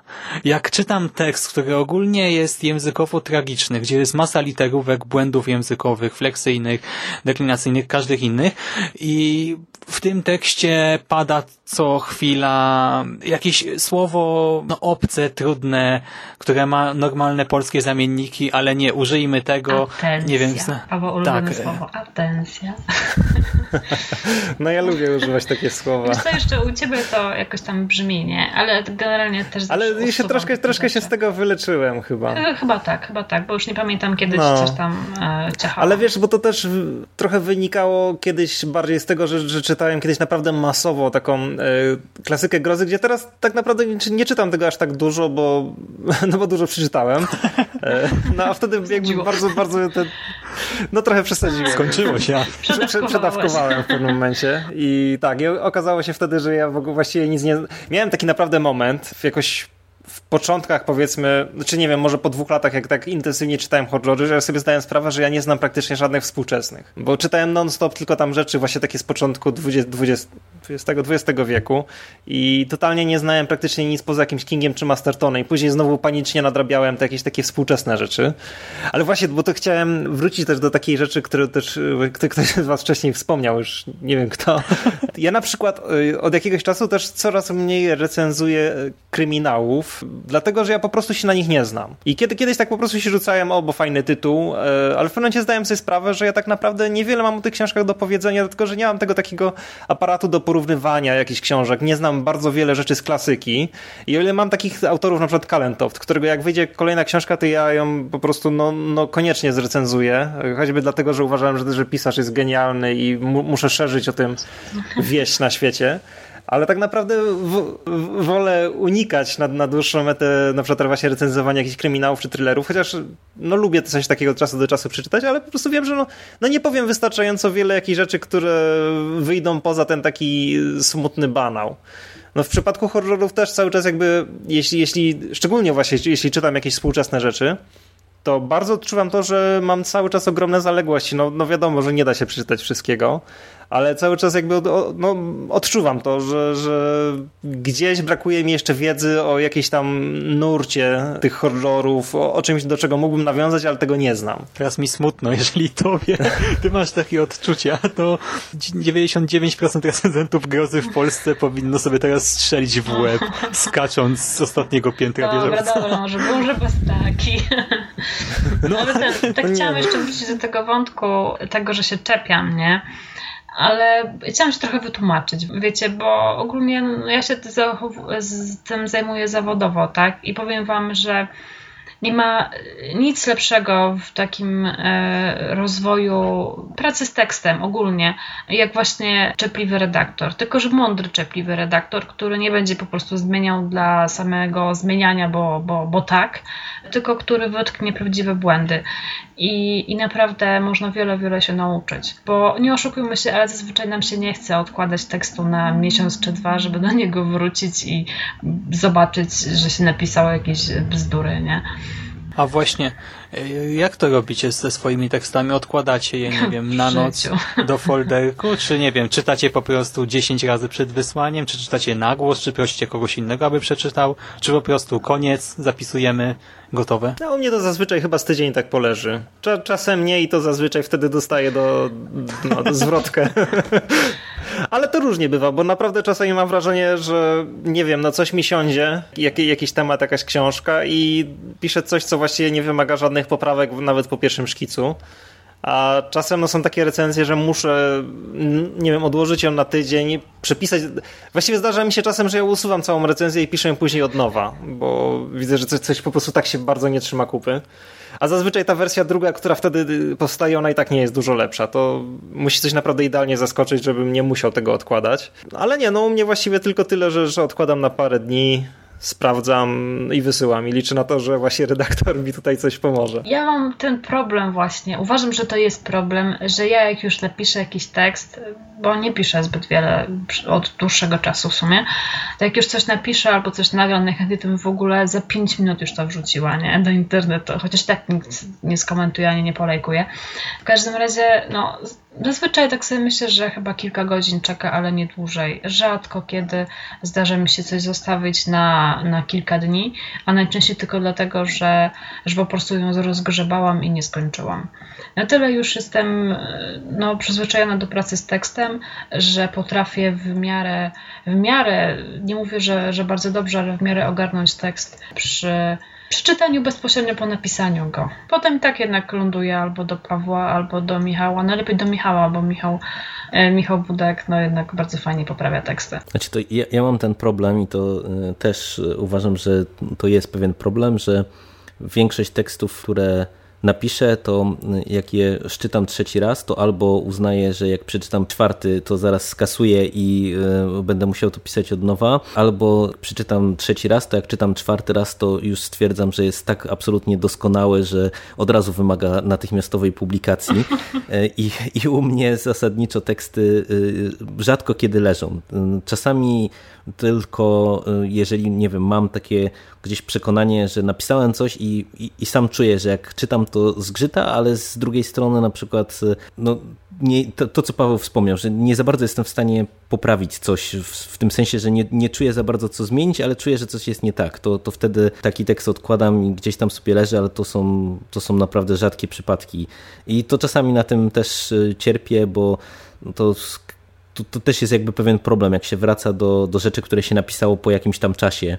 Mm, na, na przykład to się widzi dużo jakichś tam błędów albo jakiś tam głupot, albo się ma takie poczucie, że tutaj to bym to napisał inaczej, a tutaj to bym zmienił, a tutaj to o tym zapomniałem, to bym chciał dodać. No, no i to, to tak, tak to wygląda bardzo często, no bo to wiadomo, każdy tekst, który się stworzyło, to już jest tam jak niemalże twoje dziecko y, i nic by się tam nie zmieniało i nieraz później się trudno akceptuje jakieś tam uwagi, e, no ale to właśnie też to, co, to, co robimy, to jest i to jak próbujemy gdzieś tam pracować nad tymi swoimi tekstami, no to ma nas zapewnić właśnie, żebyśmy e, no, gdzieś tam potrafili w, w powiedzieć coś ciekawszego i, i, i, napisać to lepiej niż pisaliśmy 2-3 lata wstecz. No ja na przykład nie mam problemu z tym, że dostaję jakieś uwagi do tekstu, bo no, jakoś nie wiem, no, zupełnie nie, nie robi mi to problemu. Dla mnie problemem gigantycznym jest to, że ja muszę te poprawki później nanieść. I na przykład chyba przedwczoraj, akurat to nie recenzja, tylko dostałem opowiadanie z powrotem do, z, z redakcji, takie jakieś króciutkie. I tam wyglądało tak, że miałem komentarze do, te, do tekstu w Wordzie e, i ten komentarz był pod komentarzem dosłownie. I ja się po prostu wiłem przed, prawie przed tym monitorem, tak bardzo nie chciało mi się tego poprawiać. To było dla mnie tak szalenie bolesne, że ja, ja nie wiem, no robiłem pół komentarza, znaczy uwzględniałem jakieś poprawki i przełączałem się na Facebooka, żeby przeskrolować całego. I tak, nie wiem, to trwało chyba trzy godziny, a tekst miał chyba cztery strony, bo po prostu jak, jak już coś napiszę, to mam straszny problem, żeby coś w tym właśnie zmodyfikować, bo to już jakby w głowie jest jako zamknięta rzecz i mimo, że ja widzę, że są jakieś tam rzeczy do poprawy, to no niestety, no, to już jest taki zapisany dokument i no muszę, muszę coś w tym grzebać i to aż mnie boli gdzieś w mózgu. To ja, ja tak do, doprecyzuję, wiesz, to właśnie ja uważam, że to jak taki, takie są jakieś uwagi często krytyczne, to, to jest fajne o tyle, że właśnie gdzieś tam potrafi uzmysłowić człowiekowi, że coś się robi źle. To, to nawet paradoksalnie to nie przy tekstach, tylko przy podcastach na przykład y, ja sobie to zacząłem pewne, pewne rzeczy uświadamiać, na przykład jak na początku jak nagrywałem to leciało to wszystko na żywca. Natomiast jak y, im więcej jakby swoich rzeczy, które gdzieś tam nagrałem, człowiek przysłuchuje, to zacząłem wyłapywać, że na przykład nadużywam permanentnie jakichś określonych słów, które później trzeba wycinać albo zmieniać. E, I, albo co gorsze, na przykład ktoś mi e, uświadomił, ale, ale wiesz, że ty w kółko mówisz na przykład te dwa słowa i to jest później tak, że, że takie uwagi krytyczne to oczywiście to, czasami to jest frustrujące, bo człowiek myśli, Jezus Maria, nie, no to jak mogłem tego nie zauważyć? I to jest ciągle i ciągle się to powtarza, ale to później jest tak, że później właśnie taka uwaga krytyczna to właśnie pozwala na to, żeby to gdzieś tam w jakimś dłuższym terminie wyeliminować, tylko właśnie dla mnie o, o, o tyle nie mam problemu z takimi uwagami, ale mimo wszystko to zawsze, wiecie, gdzieś tam jest jakoś tam o tyle bolesne, że to mówię, że zawsze jak już tekst skończę, to też uznaję, że okej, okay, no to już jest temat skończony i już nie chce mi się do niego wracać, bo mówię, istnieje ryzyko takie, że zaraz bym jeszcze nie tylko te uwagi uwzględnił, tylko jeszcze 10 innych rzeczy zmienił. Ja na przykład podcastów w zasadzie nie przesłuchuję po nagraniu, Dlatego, chyba, że naprawdę już wiem, że było beznadziejnie, to nagrywam od nowa. Dlatego, że jak już e, wytnę tam jakieś e, pierdoły, które tam coś, e, czy jakieś powtórki, czy coś tam, to już nie przesłuchuję wszystkiego jeszcze raz, dlatego, że na pewno wyłapałabym mnóstwo jakichś lapsusów językowych, jakiś e, ton zamiast tę, e, albo coś tam jeszcze innego i po prostu no tego się nie da poprawić, tak? Trzeba nagrać od nowa, a nie będę robić dogrywek, a wiem, że jakbym miała to jeszcze raz przesłuchiwać żeby wyłapać jakieś dodatkowe rzeczy, tym po prostu w życiu nic nie nagrała, nie, naprawdę. Bo w tekście można wszystko skasować i napisać od początku, a jeżeli ktoś ma taki problem, a ja mam ten problem niestety z racji zawodu, że właśnie wszelkie powtórzenia, jakieś takie niedoróbki, mnie to strasznie uwiera i, i dlatego swoich podcastów zazwyczaj nie przesłuchuję. Ostatnio, ostatnio nawet chciałam poprosić kogoś, żeby mi przesłuchał, powiedział, czy nie ma jakiejś totalnej wpadki typu coś nieusunięte, bo już naprawdę nie chciałam tego słuchać. Ale to też musisz zwrócić uwagę na to, że to jest jednak inne medium i inaczej też e, odbiorca będzie oceniał twój tekst, bo jeżeli jednak czyta recenzję i właśnie może się zatrzymać na danym zdaniu i widzi, że masz błąd językowy czy jakikolwiek inny, e, no to to go jakoś uderza a gdy słucha tego, tak samo teraz przecież tu się ktoś zająka, tu nagle zmieni, nie wiem, podmiot i nagle czasownik ma swoją końcówkę czy coś jest, robimy masę błędów teraz nawet na bieżąco, a pomimo tego, no myślę, że słuchaczom to nieszczególnie przeszkadza, bo no takie są roki mówienia, nie? Tak samo gdy rozmawiamy ze znajomymi, to oni też popełniają różne błędy, tu się jąkają, tu Ale zaczynają mlaskać, tu coś tam. Z jednej strony masz rację, a z drugiej podcast jest na tyle jednak e, sztuczną konwersacją. To znaczy, jak, jak słuchasz, bo jak my rozmawiamy, to ja oczywiście kompletnie nie słyszę tego, że coś powiem źle, ale jak przesłucham ten podcast, a pewnie tego nie zrobię, ale gdybym go przesłuchała, to ja bym po prostu przez pół godziny ryczała, ile ja błędów zrobiłam, a tutaj to mogłam powiedzieć, a tutaj tamto, a tutaj mogłam inaczej to sformułować, a tutaj w ogóle pomyliłam słowo i tak dalej. No to są niestety e, minusy takiej pracy, jaką mam, no niestety. Ja na przykład w tłumaczeniach bardzo Miałam, nie wiem, jakąś taką fobię powtórzeń. Nie wiem, czy wy też tak macie. Chyba nie, bo często kasuję wszystkie powtórzenia e, w, w waszych tekstach, ale ja po prostu mam jakąś fobię, jakąś manię. Czasami już tworzę takie dziwne zdania, byle tylko nie powtórzyć jakiegoś słowa i to jest bardzo złe. Ja trochę mniej, bo ja pracuję z niemieckim, a tam powtórzenia występują dosyć często, więc ale tam, jakoś... ale, no, ale tam są tolerowane, tak samo w angielskim. No a właśnie. potem tłumaczysz książkę e, z angielskiego czy tam niemieckiego na polski i nie możesz powtarzać, nie? A tam, no ja niestety zdarzają mi się takie książki, które są wpisane tak zwanym stylu zmierzchowym i tam jest po prostu powtórzenie na powtórzeniu, nie? Powtórzeniem pogania i jak to trzeba zmieniać, to, to, to tragedia, nie? No i potem to mi się przenosi na, na, na teksty, które sama tworzę. Zniszczyłam rozmowę. Nie, bo w ogóle tak zeszliśmy na temat podcastu, może wreszcie, bo tak gadaliśmy o tych blogach, Paweł recenzjach. czekał cały podcast na, na podcast. Nie, ale nie wiem, czy, czy, czy oglądacie ten serial Krzyk? Nie. Kurczę, właśnie tam jest świetny moment, motyw. Jak w filmach, z tego co pamiętam, bo dawno ich nie oglądałem, był motyw reporterki, która rob, tak, no, tak, robiła tak, jakiś tak, reportaż tak. chyba dla telewizji, tak, w serialu, e, bo on jest no, bardzo, moim zdaniem, świetnie jest przeniesiony na takie współczesne media. E, ona nie jest już reporterką, jest podcasterką. Podcaster.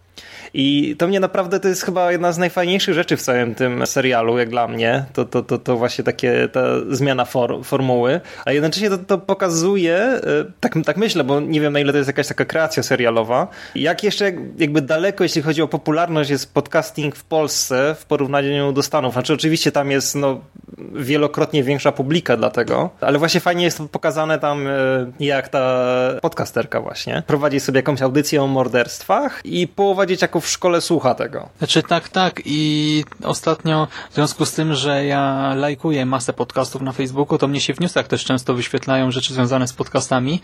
I zresztą Google też mi czasami podpowiada tego typu wiadomości.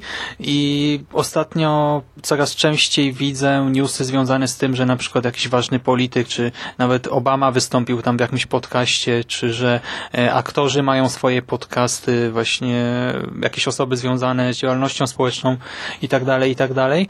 Więc na zachodzie rozwija się to całkiem nieźle. Może i u nas za kilka lat. No właśnie podcasty. mi trochę szkoda, że no bo właśnie, YouTube u nas króluje teraz i wszyscy chcą nagrywać filmiki i o ile oczywiście na przykład jeżeli ktoś recenzuje gry e, czy, czy filmy, chociaż trochę mniej, e, czy nie wiem, lifestyle'owy jakiś blog o kosmetykach, to o ile to jeszcze rozumiem, że tam się e, wideo przydaje, to na przykład jak oglądam, nie zdarza mi się to zbyt często, bo nie lubię, Wielkiego Booka czy, czy Book Reviews Anity, no to tak naprawdę równie dobrze mogłoby nagrać podcast. A jednak ludzie nie chcą słuchać podcastów, oni muszą mieć filmik i nie rozumiem tego zupełnie. Znaczy, bo dla mnie, dla mnie to jest o tyle zaskakujące, jeżeli tak e, jeszcze mówimy o innym medium, jakim jest podcast, że dla mnie na przykład e, podcast e, to jest o tyle fajny sposób komunikacji, że to, to jest rzecz, którą można słuchać i jakby chłonąć do czegoś nie wiem,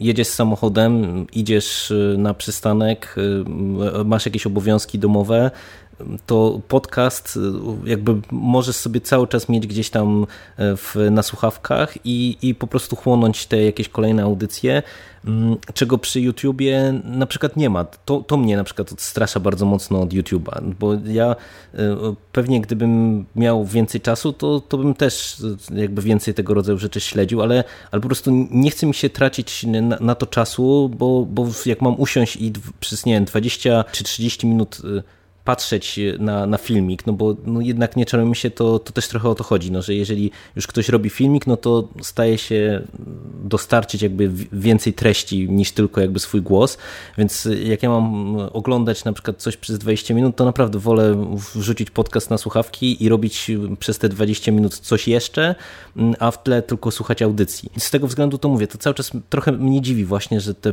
podcasty jakby cieszą się rosnącą popularnością, powiedziałbym, ale, ale cały cały czas właśnie jest to też y, dosyć duża, dosyć duża nisza. Że ja tam akurat y, nie mam też, znaczy to może też jest kwestia tego, co się na tym YouTubie ogląda, bo ja w zasadzie oglądam dosyć dużo, na pewno więcej niż bym chciał, e, ale też często to jest takie oglądanie właśnie na zasadzie słuchania, czyli nie wiem, robię sobie obiad albo coś takiego i właściwie nie zwracam szczególnej uwagi na to, co tam jest na ekranie, ale to właśnie dużo, dużo zależy od treści, bo rzeczywiście e, często są to jakieś, akurat nie wiem, nie wiem czy oglądacie kopyrę o piwie, ale właściwie na, na, na dobrą sprawę on by mógł zrobić sobie podcast po prostu. On oczywiście tam coś macha rękami, coś tam pokazuje, ale w większości to jest po prostu gadanie. No tak samo dzisiaj oglądałam, mówię, e, te dwie dziewczyny i jeszcze jedno jakoś, ale była beznadziejna i miała po prostu minę jak zombie, nie? Ja też wiem, że jeżeli podejrzewam, że jak podcastuję, to mam też nieciekawą minę, no ale właśnie, po co nagrywać filmik, jeżeli się wie, że się nie wygląda zbyt, e, zbyt ciekawie. Znaczy, to już nawet nie chodzi o to, że o, niech nagrywają filmiki tylko piękni ludzie, ale no ale właśnie, dlaczego nie podcast? No dlatego, że ludzie po prostu nie słuchają podcastu, widzą podcast, yy, co to jest, a to jest no filmik bez filmiku, tak? Tylko, że po co ci e, wideo, gdy to jest recenzja książki, no to można pokazać okładkę obok linka do audycji i na to samo wyjdzie, tak? No nie rozumiem tego. To też się chyba odrobinę zmienia, bo e, po prostu nie oszukujmy się, jak był ten boom nagły na YouTube, no to wszyscy przeszli na YouTube. Do mnie też teraz znajomi piszą, słuchaj, a ty weź dorób do podcastów nawet zwyczajne tło, nie żadne wideo i wrzucaj na YouTube, to będziesz miał więcej słuchaczy. Szczerze mówiąc, tak, bo... też o tym myślałam, żeby zrobić coś takiego, bo ludzie po prostu wchodzą, siedzą na tym medium i im się tam wyświetla i może to byłby też sposób na to, żeby tak. to jakoś rozpropagować. Zwłaszcza, że to młode pokolenie jest teraz bardzo mocno przywiązane do YouTube'a, tylko trzeba też się zastanowić, czy to na pewno jest nasz target, czy na pewno chcemy dotrzeć konkretnie do tych osób y, i w związku z tym, że to też kosztuje trochę pracy, no bo jednak trzeba to tam przekonwertować, to tło zrobić, uploadować, jednak trochę czasu na to trzeba stracić. A co do samych podcastów, to no to jest cały czas nisza, ale jednak tak jak jeszcze kilka lat temu rozmawiałem z różnymi ludźmi i zawsze musiałem tłumaczyć kilkanaście minut, co to jest podcast, jak to się ściąga, jak tego się słucha i tak dalej.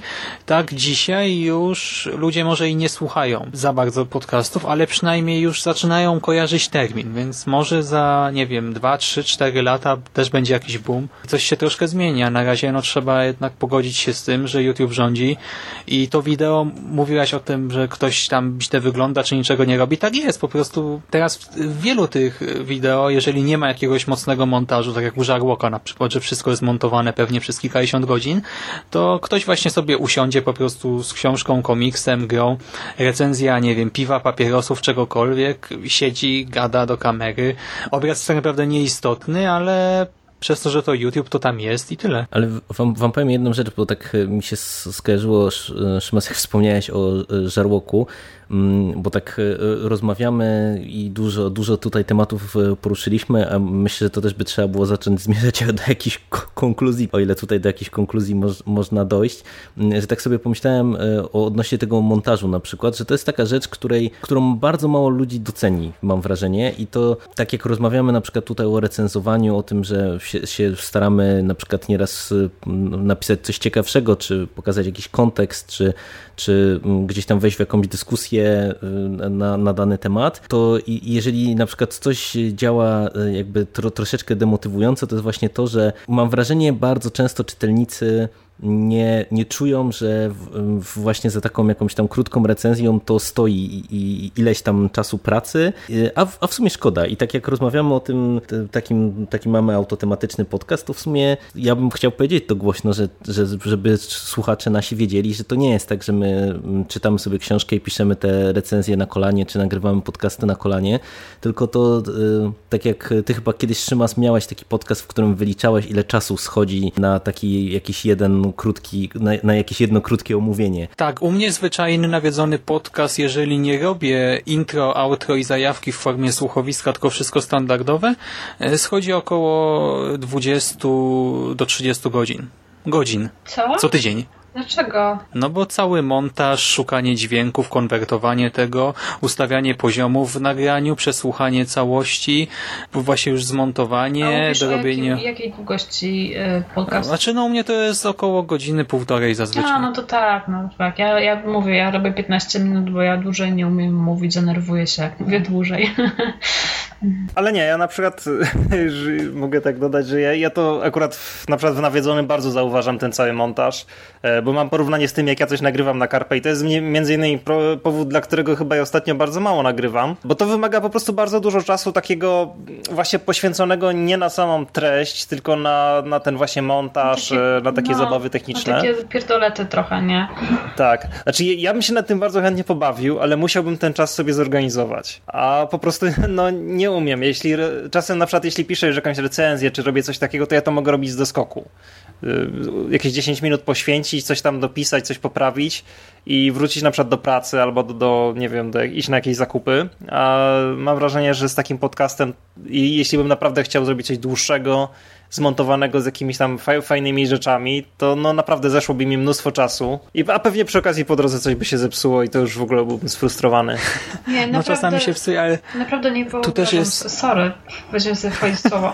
Szczerze mówiąc, naprawdę nie wyobrażam sobie, żebym przy moim trybie życia była w ogóle w stanie jeszcze wygospodarować tyle godzin. To bym musiała w ogóle, nie wiem, zamknąć się w domu i, i w ogóle już nic innego nie robić, nie? Znaczy fakt, że ja też mam problem z wydajnością pracy, bo jak się pracuje w domu, to trzeba się tego nauczyć. No ale mówię, mi po prostu byłoby szkoda czasu. Ja bym wolała tym, w, w, tym momencie coś przeczytać jeszcze innego i napisać kolejną recenzję albo nie wiem, cokolwiek, nie? Trochę mi wstyd czasami, nawet bardzo często, znaczy zawsze jak nagrywam to potem mi wstyd, że, że te moje nagrania są takie słabe, a chłopaki tak ładnie to robią i takie fajne czołówki mają i w ogóle super hiper zajebiście, a u nas to takie biedne wszystko. Ale one nie są słabe, poza tym też, e, no powiedzmy sobie szczerze, przy książkach trochę trudniej jest się tak bardzo bawić montażem, bo przy filmach jednak same cytaty z filmu czy z trailera, e, jakiś soundtrack można wykorzystać, masz no, większe pole do popisu już na starcie, nie? A przy książce jednak, o ile nie ma ekranizacji, z której można to sobie powycinać, to już musisz zrobić sobie jakiś teatrzyk czy coś, a to kosztuje masę czasu, musisz mieć bazę dźwięków i tak dalej, więc no nie dziwota, że ludzie tego nie robią, bo znaczy, no, ja, mam, ja mam zawsze takie podejście, że dla mnie zawsze liczy się merytoryka. Ja wiem, że właśnie fajnie jest posłuchać, na przykład Mando y, czasami potrafi książkę i fajną czołówkę do tego zrobić y, i mówi dużo lepiej ode mnie i tak dalej, ale, ale mówię, zawsze zwracam uwagę na merytorykę i zawsze mi się, siedzi gdzieś z tyłu głowy, że po co będziesz się bawić, takie pierdolety, liczy się to, jaki, i co mówisz, tak? No nie do końca tak to właśnie wygląda, bo tak samo jak w recenzji liczy się to też jak się pisze, a nie tylko co się pisze, tak samo wydaje mi się, że jest w podcaście, tak? No ale no, no niestety, jakoś tak... Ale to się nie przekłada na lajki, nie martw się. Jak ja robiłem właśnie no, do nie nawiedzonego... Nie chodzi tylko o lajki, tak? Ale Chodzi właśnie jak zrobiliśmy- Przecież my tego nie Właśnie robimy... Szymas, satysfakcja, satysfakcja. Gdybyśmy, no ale taka jest prawda, no gdybyśmy to robili dla komentarzy i lajków, to dawno byśmy to rzucili w cholerę, tak? I, i, i zrobili bloga o jedzeniu, gdzie byśmy mieli po prostu miliardy lajków, tak? Bijesz do żarłoka teraz i do skóry. Nie, nie, nie, nie w takim jedzeniu. Znaczy, że Mateja by zrobił pokrzywy, walną zdjęcie w jakiejś ładnej stylizacji już były lajeczki, no. Ale właśnie, dobra, bo jeszcze, jeszcze myślę, że taki fajny temat został właśnie o tych lajkach. Bo dla mnie na przykład to znowu, jeśli na przykład dostajemy jakieś lajki na, na fejsie, czy może nie, nie na fejsie, na, na stronie, to ja na przykład nie widzę do końca od kogo one są. Tam jest napisane, że jest tam, nie wiem, ich 12, 20, 100 milion, e, ale to tak naprawdę to jest tak, taki, nie wiem, no taki licznik, który, nie wiem, no mnie jakoś nieszczególnie jara, ale dla mnie największa taka satysfakcja zawsze to było to, jak albo są jakieś faktycznie zdarza, zdarzają się jakieś fajne dyskusje, co, czy, czy w ogóle komentarze, co zdarza się chyba właściwie najczęściej przy jakichś takich tematach, które ja lubię. Tak, Czyli na przykład przy, przy klasyce grozy której ja i przy Weirdzie, przy... czytam, więc mnie to Właśnie. bardzo demotywuje. I na przykład do tej pory z Michałem Budakiem często wspominamy, jak e, kiedyś robiliśmy ten rok Grabińskiego i z tej okazji też na przykład jeździliśmy do Przemyśla na jakieś tam imprezy, czy w ogóle też do Krakowa. I coś tam, coś tam opowiadaliśmy, czy coś tam słuchaliśmy i naprawdę to były rzeczy, których bez Karpenoktem bym nigdy jakoś nie poznał, nigdy bym się tam nie wbił na takie imprezy, a wspominam je jako coś takiego absolutnie fantastycznego, że poznałem naprawdę kupę ludzi, z którymi często już kontakt troszkę mi się stracił. Z niektórymi miałem dłużej, z niektórymi mam do tej pory, z niektórymi już w ogóle, ale no miałem naprawdę szaloną przyjemność z tego, jakich ja przeciekawych ludzi e, popoznawałem na jakichś takich różnych imprezach, albo czasem to były po prostu wymiany maili, no a no bazą do tego zawsze jakieś tak karpenoktem było. Mi też się, się zdarzyło kilka razy, nie, bo to jest strasznie przyjemny temat, powiem Wam szczerze. Właśnie gdy, gdy, gdy człowiek tak przez pół roku ma te trzy lajki na krzyż, zero komentarzy i już taki jest zdemotywowany, a potem gdzieś pojedzie i nagle, nagle gdzieś tam jest temat, że, że, że, że pisze e, i o, Karpenoktem, aha, to ja znałam, bardzo lubię i w ogóle super, nie? Cieszę się, że Cię poznałam. I miałam kilka takich sytuacji i to jest naprawdę mega miłe, nie? Oni w życiu nie napisali żadnego komentarza e, u nas, ale, ale jednak pamiętają, kojarzą, w ogóle znają nazwiska i tak dalej. Na przykład w, w Poznaniu mam koleżankę, która jak jeszcze jej nie znałam, znaczy tak znałam z widzenia tylko, ona podchodzi do, podchodzi do mnie na jednej imprezie i mówi, ej, a ja Cię znam, bo Ty jesteś Agnieszka Brodzik z Karpanoktem, nie? A ja bum, nie? I to nie chodzi o sławę, to chodzi o to po prostu, że Czasami przez to, że właśnie są te anonimowe lajki, że nie ma komentarzy, że jest pusto i smutno, to nam się wydaje, że to idzie tak w przestrzeń. A jednak są ludzie, którzy może się nie udzielają, ale jednak czytają, pamiętają, kojarzą. No i jeżeli zna moje nazwisko i, i mnie rozpoznała, to znaczy, że jednak y, dobrze kojarzy Karpanoktem. No i to jest super, nie?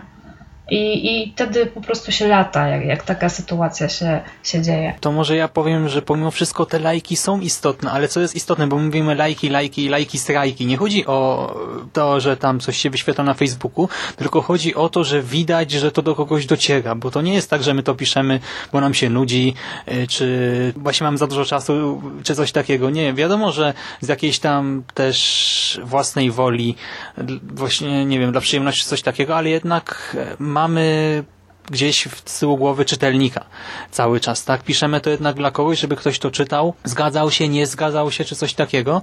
Dlatego nie chodzi o to, żeby komentarzy było 100, 1000, czy jeszcze więcej, czy tak samo lajków, tylko chodzi o to, żeby co jakiś czas ktoś się uaktywnił, żeby było widać po prostu, że to do kogoś trafia, że komuś się spodobało, komuś się nie spodobało, ktoś ma swoje zdanie, które się pokrywa z naszym, czy się nie pokrywa i wcześniej mi przerwałaś. Chciałem powiedzieć, że po pierwsze co do działania Facebooka, gdy wrzuciłem na przykład podcast na mojego fanpage'a, to dotarł do tam kilkunastu czy dwudziestu kilku osób. A gdy wrzuciłem e, zdjęcie jeża, Nieważne, no wrzuciłem zdjęcie jeża, to, to dotarło do kilkuset osób. No.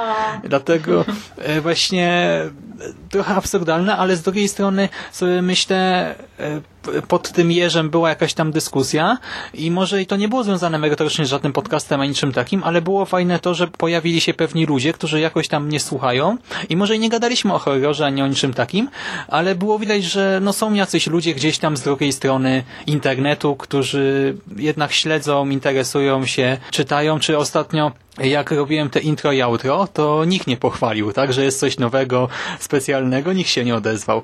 A gdy ostatnio ktoś miał uwagę taką, może nie negatywną, ale jakąś tam, jakiś tam punkt krytyki, no to od razu był komentarz i długi. I ktoś mógł powiedzieć, że głupio, ale właśnie nie głupio, bo fajne jest to, że ktoś się pokazał, że przesłuchał, że ma jakąś uwagę, ma jakieś zdanie, że przemyślał to, co usłyszał. Do tego po prostu fajne jest to, gdy mamy świadomość, że to, co piszemy, nagrywamy, tworzymy, nie idzie w próżnię, tylko że do kogoś. No ale dla mnie też fajny jest taki, yy, taka informacja zwrotna nie tyle o tego, że ktoś to przeczytał, ale też, że ja później na przykład spotkam właśnie taką osobę albo gdzieś się jakaś rozwinie dyskusja mailowa i ja się mogę kupę jakichś nowych, ciekawych rzeczy dowiedzieć. To tak, tak, to yy, swoją drogą. No, że poznaje się takich ludzi, którzy, którzy właśnie często nie są gdzieś uaktywnieni w internecie, yy, a mają tak gigantyczną wiedzę, że ja się po prostu przy nich czuję, czuję później taki malutki, że aż mi troszkę głupio. Ale też zauważyłam, nawet kiedyś tak e, ironicznie oczywiście, e, śmiałam się, że musimy robić naprawdę więcej, więcej literówek, jakichś błędów w recenzjach często, bardzo często widzę, że e, gdzieś na jakimś fanpage'u, takim totalnie randomowym, bo Facebook wyświetla randomowe rzeczy bardzo często, e, ktoś, wiesz, jest jakiś zupełnie inny temat i gdzieś jakiś błąd, a to, a to orto, no najlepiej ortograf. Jak jest ortograf, to już w ogóle wszyscy się rzucają. I co, jest jeden komentarz, i akurat o tym ortografie. Zupełnie na temat, ale musi wytknąć ten ortograf, nie? No i no, to, mnie, to, mnie to nie cieszy. Mi się to nie podoba, to nie, nie lubię właśnie, jak wiesz, no, robisz coś, robisz e, zajebiście i, i mówię, no po raz enty powtarzam w tym podcaście pies z kulawą nogą, a, a nagle zrobisz jakiś głupi błąd, czasami nawet nie błąd, tylko komuś coś się nie spodoba i już masz Ale to, wielki, kurde, fame. To mówisz o takim czepianiu się, a mnie chodziło po prostu o krytykę. Nie, nie, krytykę e, też, w właśnie sensie, też krytykę. Ale jeżeli ktoś się odezwie krytycznie, ale nie ad personam, tylko po prostu no, do tekstu się odniesie, no to mnie to nie przeszkadza, bo to jest fajne, bo jednak wychodzi na to, że czyta i że przez większość czasu się zgadzał, tak? A teraz po prostu... Nie no, jeżeli po prostu nie zgadza się z moim zdaniem, e, no to, no to okej, okay, to w porządku, to, to jest fajna uwaga i, i spoko, wtedy można sobie podyskutować i, i ogólnie jest przyjemnie. E, natomiast no mówię o takiej krytyce, wiesz, że o, na koniec to w ogóle napisałaś głupotę, bo coś tam, coś tam, nie? No nie, nie, nie podobają mi się takie takie rzeczy. Sama tak nie robię.